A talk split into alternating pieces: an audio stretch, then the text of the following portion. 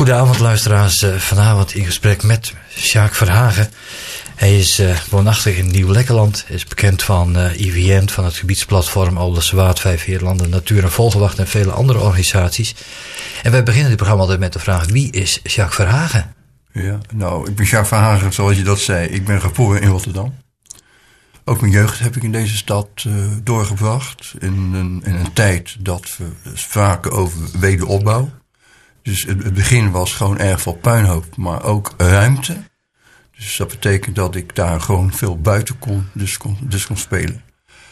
Uh, ja, en uh, ik ben werkzaam geweest bij uh, het ingenieursbureau gemeente Rotterdam.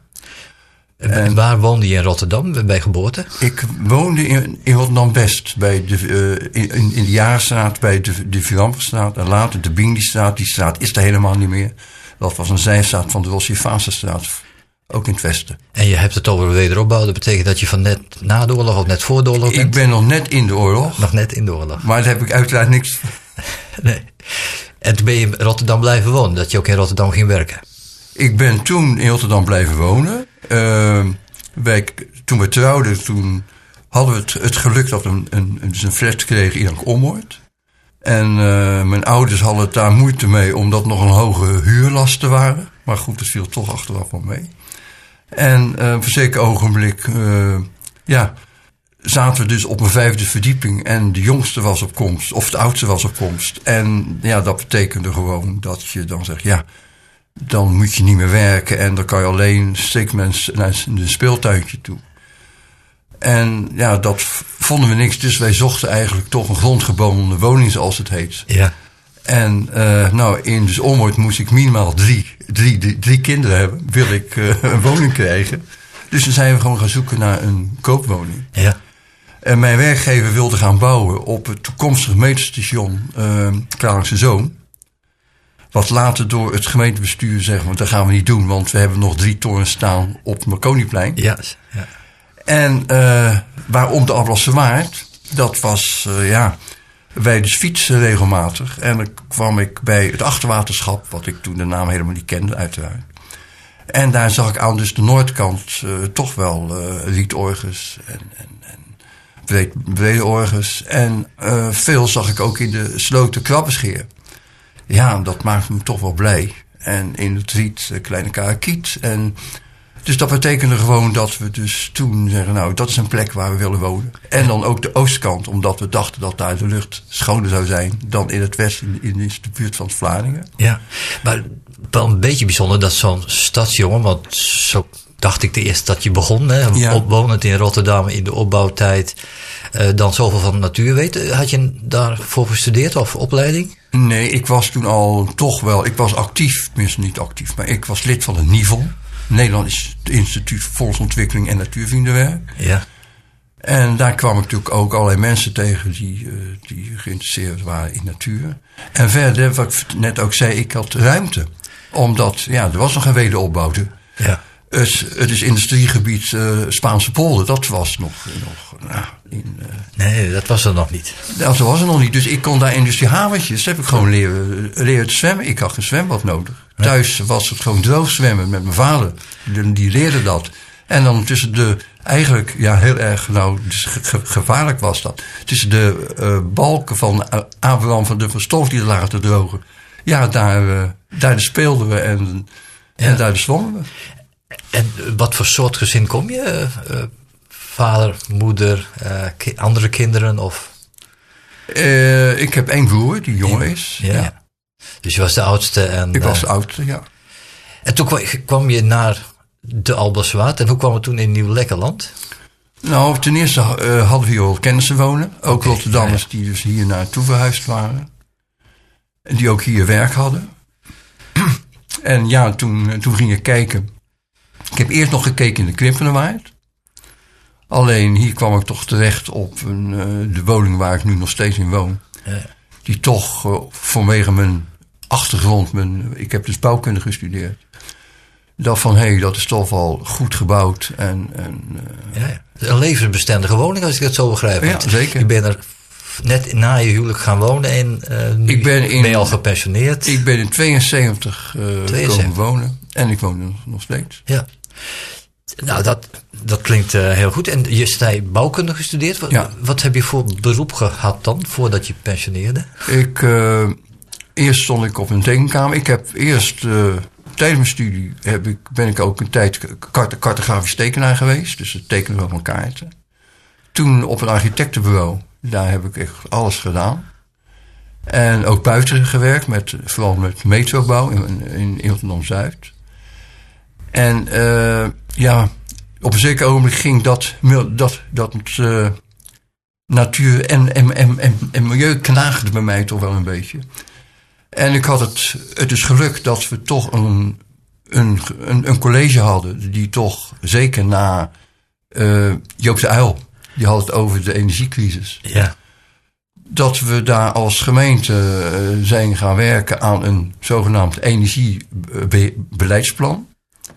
En ik mocht dat eh, dus ook, voor, ook voor- voorbereiden. En eh, op het gebied van energiebesparing. Zowel bij scholen, gemeentelijke gebouwen, maar ook bij eh, woningcorporaties. Ja, en dat heeft tot leuke projecten geleid. En ik had toen een club, wat noemen we bouwfysica. Waar we dus keken naar schade in, in, in, in de bouw. En trillingen en, en, en, en geluid en zon. En dat soort zaken. Dus, Ja. Maar eigenlijk thema's die nog steeds actueel zijn, of misschien juist nu wel extra actueel zijn. Nou, de, dat is ook wat mij zorgen baart. Wij praten in deze tijd makkelijk over... je moet alles zomaar gaan isoleren. Ik heb drie, eh de nieuwste derde. Ik heb in de tachtige jaren een zogenaamd nationaal een, eh, energieplan meegemaakt. Het NIP was dat. En eh, daar kwam naar voren dat er erg veel schimmelvorming ontstond. Omdat men isoleerde en dat ging niet goed. Ik heb toen ook voor een tijd eh, actief geweest binnen vakopleiding bouwbedrijf. En ook om te, om te kijken om dat tegen te gaan. Ja. En de tweede, dat was rond 2000. Toen hadden we het nog steeds niet geleerd van het vroegere. En nu zie je weer dat we oude woningen eh, weer gewoon tra- traditioneel gaan isoleren. Waarbij je toch, wat we dan noemen, eh, thermische breuken of koude bruggen. Echt een hoek, maar er toch nog steeds schimmelvorming kan ontstaan. En daar heb ik wel eens het indruk dat daar te weinig aandacht voor is. En eigenlijk betekent het dat we nog steeds te weinig leren van het verleden en dat we misschien daardoor de toekomst eh, wel extra belasten, terwijl het niet nodig is. Ja, wij leven natuurlijk in een, in een tijd van groei. Dat hebben we al jaren. En groei betekent gewoon, eh, je leert niet van het verleden, maar je gaat steeds weer het wiel opnieuw uitvinden. Maar nog niet steeds eh, beter. Nou, dat kan je inderdaad terecht ook afvragen. Ja. We gaan straks eh, na het muziekje eh, verder met biodiversiteit. Eh, maar nog even, je bent al die jaren bij Rotterdam gebleven. Ja, ja. Toen je eenmaal binnen was, was er voldoende werk om altijd leuke uitdagingen te Nou, hebben. het is zo. Ik heb, heb dus geluk gehad om bij. die, wat ik dus net zei. Ik, ik begon bij afdeling landmeter cartografie. Toen werd het dus het architectenbureau. Daarna ben ik bij een zogenaamde ontwikkelingsclub terechtgekomen.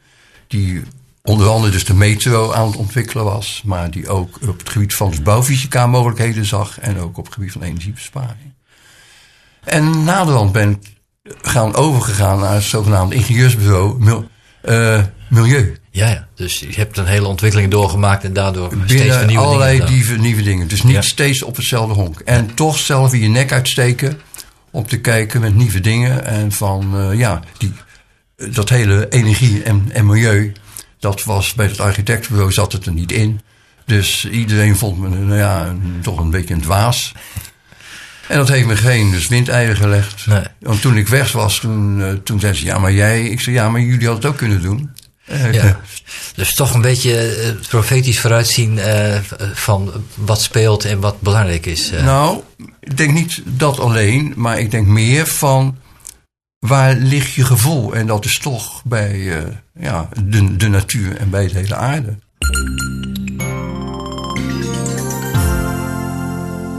Jacques Verhagen, onder andere jarenlang betrokken bij de Natuur- en Volgewacht. En we gaan het hebben over biodiversiteit. En ja, eigenlijk denk ik alles, dat het alles met natuur en natuurkunde te maken heeft. Ja, het is heel erg gek. Ik weet niet of jij dat ook hebt meegemaakt. Maar wij hadden dus op, dus op school een, dus een vak dat heette kennis der natuur. Ja. En we hadden een ander vak, na- na- natuurkunde. En ik heb me altijd, vroeg ik me toen de tijd ook al af van, wat is het, het, het verschil? Ja. En er werd gewoon gezegd, ja, het een dat is alles wat leeft en het andere is alles wat dood is. En als je daar eens goed over nadenkt, is dit een, flauw, is een onzinnig verhaal. Want als je leeft, heb je juist mineralen en alles nodig om te kunnen leven. Ja. En eh, je ziet gewoon dat zeker met de wetenschappelijk eh, gewoon zaken zoals het nu gaat, dat we daarmee eh, dat het gewoon bij dus elkaar hoort. En de huidige wetenschap, en dat was ook al bij Newton, dat eh, men vanuit ging eigenlijk dat eh, je spanning nodig hebt. Dus eh, ik neem als voorbeeld een benzinemotor. Als ik een vat ben- benzine, een lucifer stop, nou, dan ontploft het. Ja. Als ik daar een via motor doe, dan wordt het gewoon netjes en dan gaat de motor draaien. Dan, dus er zit een soort medium tussen. Het verwerking, ja. En dat betekent dat eh, Newton zei namelijk: iets waar geen spanning meer is, is alleen wat echt in, een- in dus balans is, dat, dat is de dood. Ja, ja. En dat houdt in dat eh, spanning heb je nodig. Maar dan moet je wel, en dat is wat je nu ook in namelijk Oek- Oekraïne ziet enzovoort als er spanning is. Je hebt er wel een soort membraan tussen nodig. Een filter. eh, Een filter, maar een filter betekent ook dat je naar de ander luistert. ja. En dat je met elkaar, ja, het, ik vind het een woord wat, wat, wat wel erg veel voorkomt, dat heet respect. Maar dat je elkaar ook ziet staan en ziet zitten. Ja. En niet. En als je de boel helemaal afsluit, ja, dan, dan ontstaat er ook niks meer. Dus eh, juist dat, dat membraan is gewoon van belang. Dus een spanningsverschil. Eh, dat geeft ook diversiteit. Ja. En is dat ook de verklaring tussen, eh, zeg maar, boer en burger? Tussen natuur en eh, misschien bouwen of, of eh, andersoortig? Ik denk dat dat inderdaad met elkaar gewoon- te maken heeft. Wij zijn zo gewend geweest dat we zeggen wij kunnen het allemaal zelf wel. En we hebben die natuur niet meer nodig. En dat is in, het, in ons Europese denken is dat echt eh, dus, een- dus, een, dus een voorgekomen. We hebben daar eh, ook, eh, ik, ik zag een, een, een, een documentaire. die heet, ja, het is een nare naam. er staat Living in Time of Dying. Dat die, dus die documentaire, daar komt een Stan Reffert komt daar naar voren toe. En dat is een, een, een, een, ja, een indiaan of een inheemse volk, een Cherokee was Ja. die van. En die man die vertelt dat hij op, dus, dus, of dus op school zat. En er werd gezegd, ja, maar jij behoort tot de inheemse volken, die lui, bes- die lui bestaan niet meer. Dus hij werd eigenlijk al te dood verklaard. Ja. En terwijl die, ja, terwijl die enorm veel kennis had. En enorm veel. En ja, we hebben in Europa hebben we die natuur helemaal losgelaten. En dat zie je nu nog steeds. Eh, en dat komt ook omdat we niet meer dingen aan elkaar koppelen. Ik hoorde een hoogleraar, dat is nog geen eens zo lang geleden, vanuit De- Delft. Die betrokken was bij het bouwen van offshore wi- windturbines. En die zegt gewoon, ja, die natuur past zich wel aan. Ik heb niks met ecologen, want eh, die heb ik helemaal niet nodig, want die natuur past zich aan. Die hebben zo volkomen gelijk. Alleen is het de natuur waar wij nog in kunnen leven. Dat, Ja. dat bepaalt hij niet. Nee. Het doet me denken aan de avond eh, van het gebiedsplatform deze week, eh, waarin werd gesproken over eh, kleine windturbines en dat men ook steeds op zoek was van wat past en wat past niet. En wat is natuur en wat kun je er wel of niet mee doen. En zoals jij het beschrijft, is het nou in de afgelopen 50 jaar erg verergerd, het probleem van wat je beschrijft, dat we niet meer die natuur op de goede manier bekijken. Ik denk het zeker, maar dat komt nou omdat we denken dat de wereld maakbaar is. En de wereld is niet maakbaar. Nee, wij zijn gewoon, en dat klinkt misschien vanuit eh, religieus oogpunt vreemd, maar, maar, maar in feite zijn we gewoon een zoogdier. Ja, het- toch zijn er mensen die zeggen, ja, in de Bijbel staat toch de opdracht van het bewerken en het onderhouden van de schepping. Dus dat we ja, meer moeten doen dan alleen maar leven. Dat we er iets aan moeten doen. Maar dat geldt ook voor de anderen. Ja, en welke anderen? Nou, als ik hoor dat, uh, dat we met, met alle dieren een onderdeel zijn van deze schepping. Ja. En, en dan denk ik van, uh, als er staat het rentmeesterschap. En uh, dan is dat niet van ik ben de baas. Dan is het met elkaar zorgen dat die aarde bewoonbaar blijft. Nog sterker, het is niet van jou. Dus je moet zorgen dat het goed achterblijft voor jouw Ja. kinderen. Ja. En wa- wat heeft dat met biodiversiteit te maken? Nou, alles om dat. Ik noem een voorbeeld. Er zijn. Nou, dat vertelt uh, uh, Arita Baaiens, die naar Papua Nieuw-Guinea ging. Die kwam daar en Papua Nieuw-Guinea is een echt mistig gebied. Er is echt veel mist en, en bergen en regen enzovoort. En die mensen, dat zijn nog steeds jagers en verzamelaars. En die hoorden, die, die communiceerden met een vogel die zeggen: als die dat geluid geeft, dan weet ik dat ik daar kan gaan jagen. Ja, ja. Nou, dat vond ze raar, want zij is een Nederlandse bioloog. Ja. Ze had dat nooit geleerd op school. Nee, Nee. voor ons is het. Tot we ook tot een dekking kwamen, en dat is dan in de Verenigde Staten geweest, boswachters in eh, de Yellowstone. Die ontdekten dat een raaf communiceerde met een wolf. Want die raaf die, die zat hoog in de boom en die zag daar een, een hert of een andere boom wat nogal zwak was. En die, die met, zijn, met zijn vleugel enzovoorts. En eh, die, dus, die, dus die wolf die, die herkende dat. En die raaf vloog weg, die wolf ging erachteraan.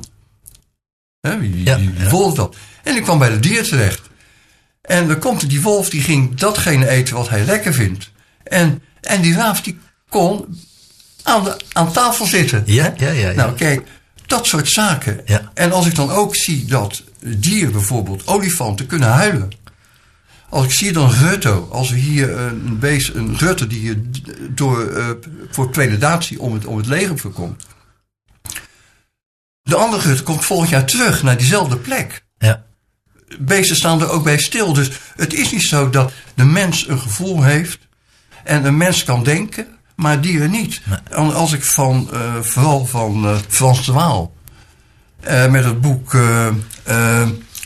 Zijn we slim genoeg om te weten hoe de slim de, de, mens is? Daar vertelt hoe ook apen, chimpansees, inderdaad met allerlei soorten gereedschap aan de gang, gang gaan met, met takken enzovoorts. Om ergens in te komen, om, om gewoon ergens bij te komen. ja. En we weten allemaal dat op een zeker ogenblik een, een, een, dus een hele spreel ook in staat is om dus een ei open te krijgen. Ja. En dan zie je, daar moet je niet omheen. En dat betekent, dieren zorgen voor elkaar. En dieren eten elkaar, want eh, het is inderdaad ook gegeten worden. Maar een dier eet alleen maar wat hij nodig heeft. Ja. En, en als je met die ogen naar de Albase Waard kijkt, dan heb je misschien wel eens wat uit te leggen. Want dan zullen mensen denken van nou, die stelt de natuur boven andere dingen. Nee, ik stel de natuur nergens boven. Nee, dat was- Ik stel gewoon dat wij een onderdeel zijn van die natuur. ja.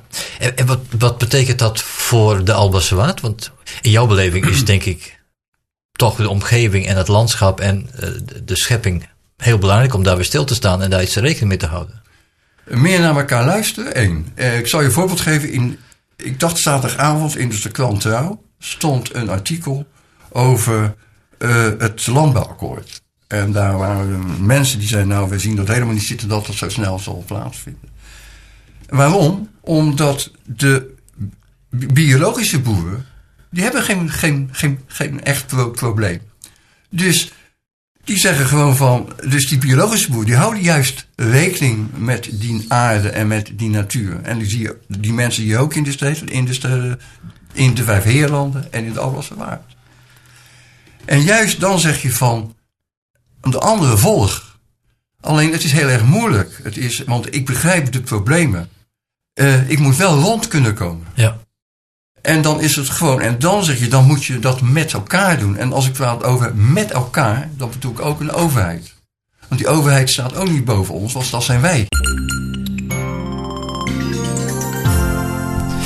Maar wat betekent dat voor de Albase Waard, eh, hoe dat zich ontwikkelt? Ik denk dat de Alblasse Waard eh, toch langzamerhand eh, de Alblasserwaard zich langzamerhand echt richting natuur inclusief zal moeten, moeten, moeten gaan, gaan, gaan, gaan, ont, gaan, ont, gaan ont, ontwikkelingen. Maar betekent wel dat de boeren daar ook de ruimte voor moeten krijgen. Ja. En als die boer de ruimte krijgt, wat gebeurt er dan? Wat zien we dan als inwoners van de Alberswaard? Ik denk dat je dan, en dan kom je op biodiversiteit terecht, dat je dan weer uh, akkerland of en ook weiland gaat krijgen met veel meer planten. En, en waarbij ook insecten veel meer uh, een gelegenheid krijgen. Want die insecten hebben we nodig ook voor de, voor de, de, de, de, de bestuiving van onze gewassen. Ja. En dan krijg je meer een ander soort grasland, zou ik maar zeggen. Niet alleen maar blauw uh, grasland, maar ook... Nee, wel, wel blauw grasland, juist. Maar... Want blauw grasland is het, juist het grasland waar juist veel biodiversiteit In voorkomt. zit, ja. En dat vind je vooral voor mensen die de Alblasserwaard ook kennen, langs de Zijdeweg. Ja, ja. Maar dat was eigenlijk toch iets van vroeger, of niet? Ja, maar dat komt het wij... Kijk, je moet niet naar vroeger terug. Oké. Dat kan niet. Dat, dat, dat moet je niet willen ook. Maar je moet wel de kwaliteit, de uitgangspunten van vroeger, Ja. moet je kunnen zeggen, hoe kunnen we die weer dusdanig gaan herwaarderen naar deze tijd. En je bent in 1972 in de Alblasserwaard komen wonen. Ja? En toen was er meer blauwgrasland en meer Nou, toen was er veel meer. Toen was er bijvoorbeeld, wat je net ook, ook, ook zei, bij het achtwaterschap. Ja, Die orchideeën staan er niet meer. oké. Die- En, En- hoe zijn die verdwenen? Ik bedoel, heeft iemand ze weggehaald of zijn ze Nou, ik denk, verdwenen? Of, ze zijn gewoon verdwenen door inderdaad daar, eh denk toch, luchtkwaliteit. Maar ik denk zeker ook eh, door maaibeheer, type maaibeheer. Het wordt gewoon meer, ja, eh motorisch gedaan, noemen we het maar eventjes voor het Ja. gemak. En dat begrijp ik ook. Dus ik bedoel, ik neem het ook niemand kwalijk. Want je moet wel, een, wel, dus, wel dus een boterham verdienen. ja, Alleen ik merk wel, en daar is de aflassen waard ook, dat, eh, en omdat we gewoon onderdeel zijn van, van, van deze aarde zoals die nu functioneert, geld is het doel en geen middel meer. ja, en dat heeft dat iets met welvaart te maken? Dat we een ander soort welvaartsbeleving hebben? Dat we vroeger meer welzijn hadden? Of, Ja, ja?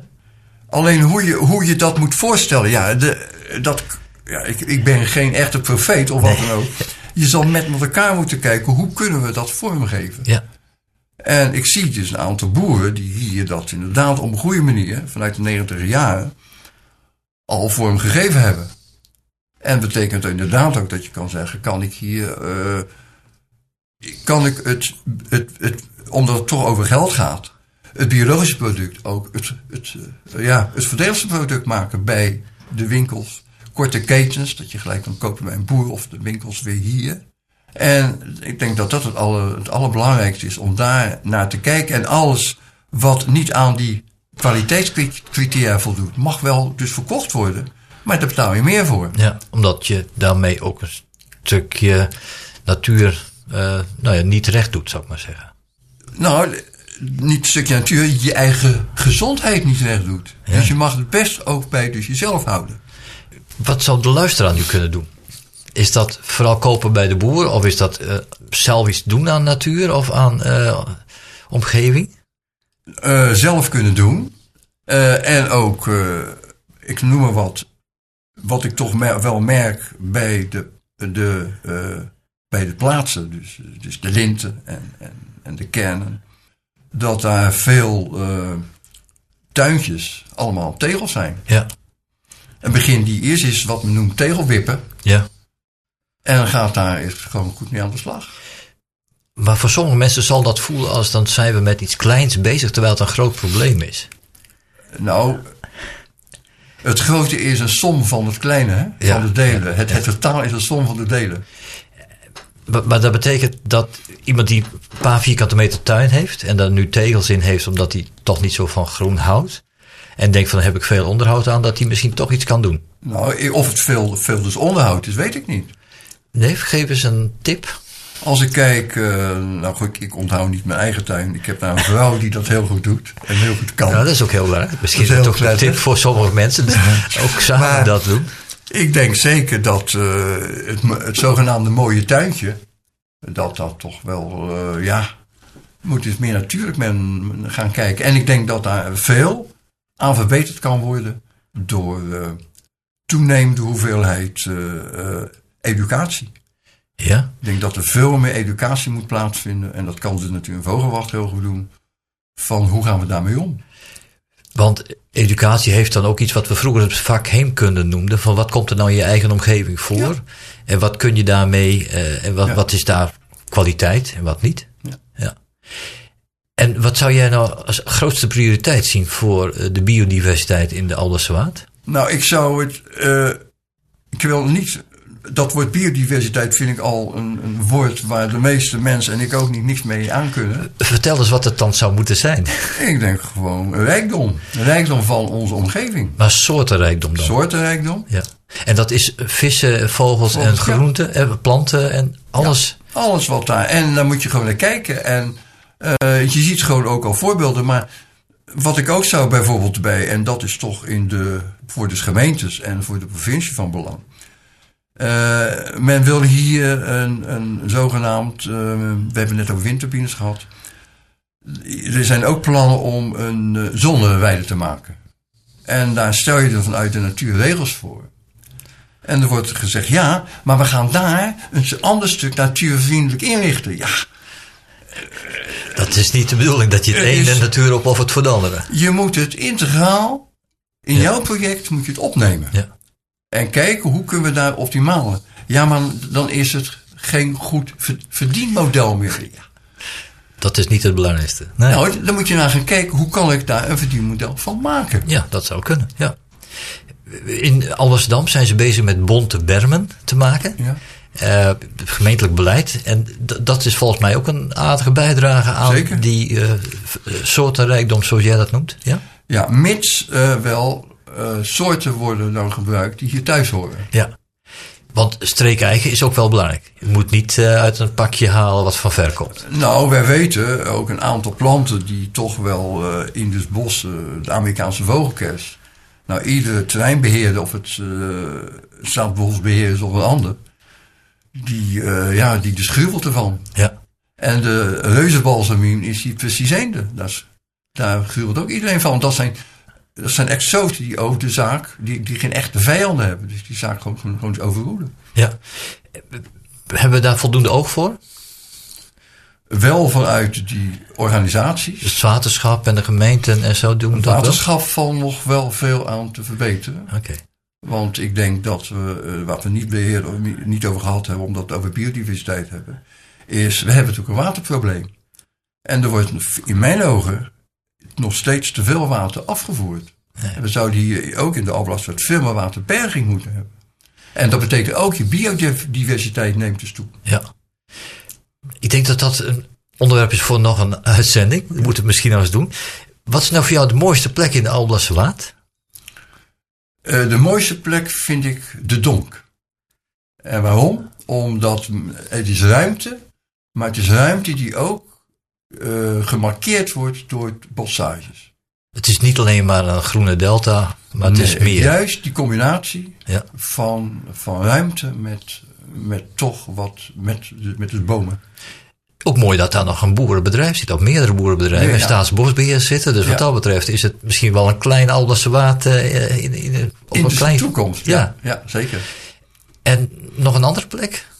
Ja, de Avelingen. De Havelingen. Ja, dus inderdaad. Bij de stad Gorkum, zullen we maar zeggen. Inderdaad. Dus dat is een groene enclave of een groen stukje bij de stad. Nou ja, de Avelingen is natuurlijk een oude vuilhoop, eh, vuilstortplaats. Oh. En daar is toch eh groen mee gekomen. En ook, eh, ja, dat ziet er toch geweldig uit. En dat moeten we zeker behouden. Ik begrijp dus dat de biodiversiteit, maar we noemen het soortenrijkdom, dat dat nastrevenswaardig is en dat dat goed is voor mens en dier. Ja, voor iedereen. Voor iedereen. Eh, gaan we dan nog eh, op tijd redden of, of zijn we al te ver heen met allerlei dingen die net niet eh, goed zijn voor die soortenrijkdom? Als, je, als we zeggen we kunnen niet meer redden, dan betekent dat we achteroverleunen totdat we dood zijn. Dus dat moeten we zeker niet doen. Nee. Het is altijd eerst de hoop en altijd eerst er weer zijn er kansen. En ik zie dat veel jonge mensen nu hoop hebben en zich ook inzetten om het weer voor elkaar te Eigenlijk een mooie paasboodschap. Het is eh, nog niet eh, de leiderstijd, maar het komt er bijna aan. Eh, bedankt voor eh, dit eh, interview. Radio.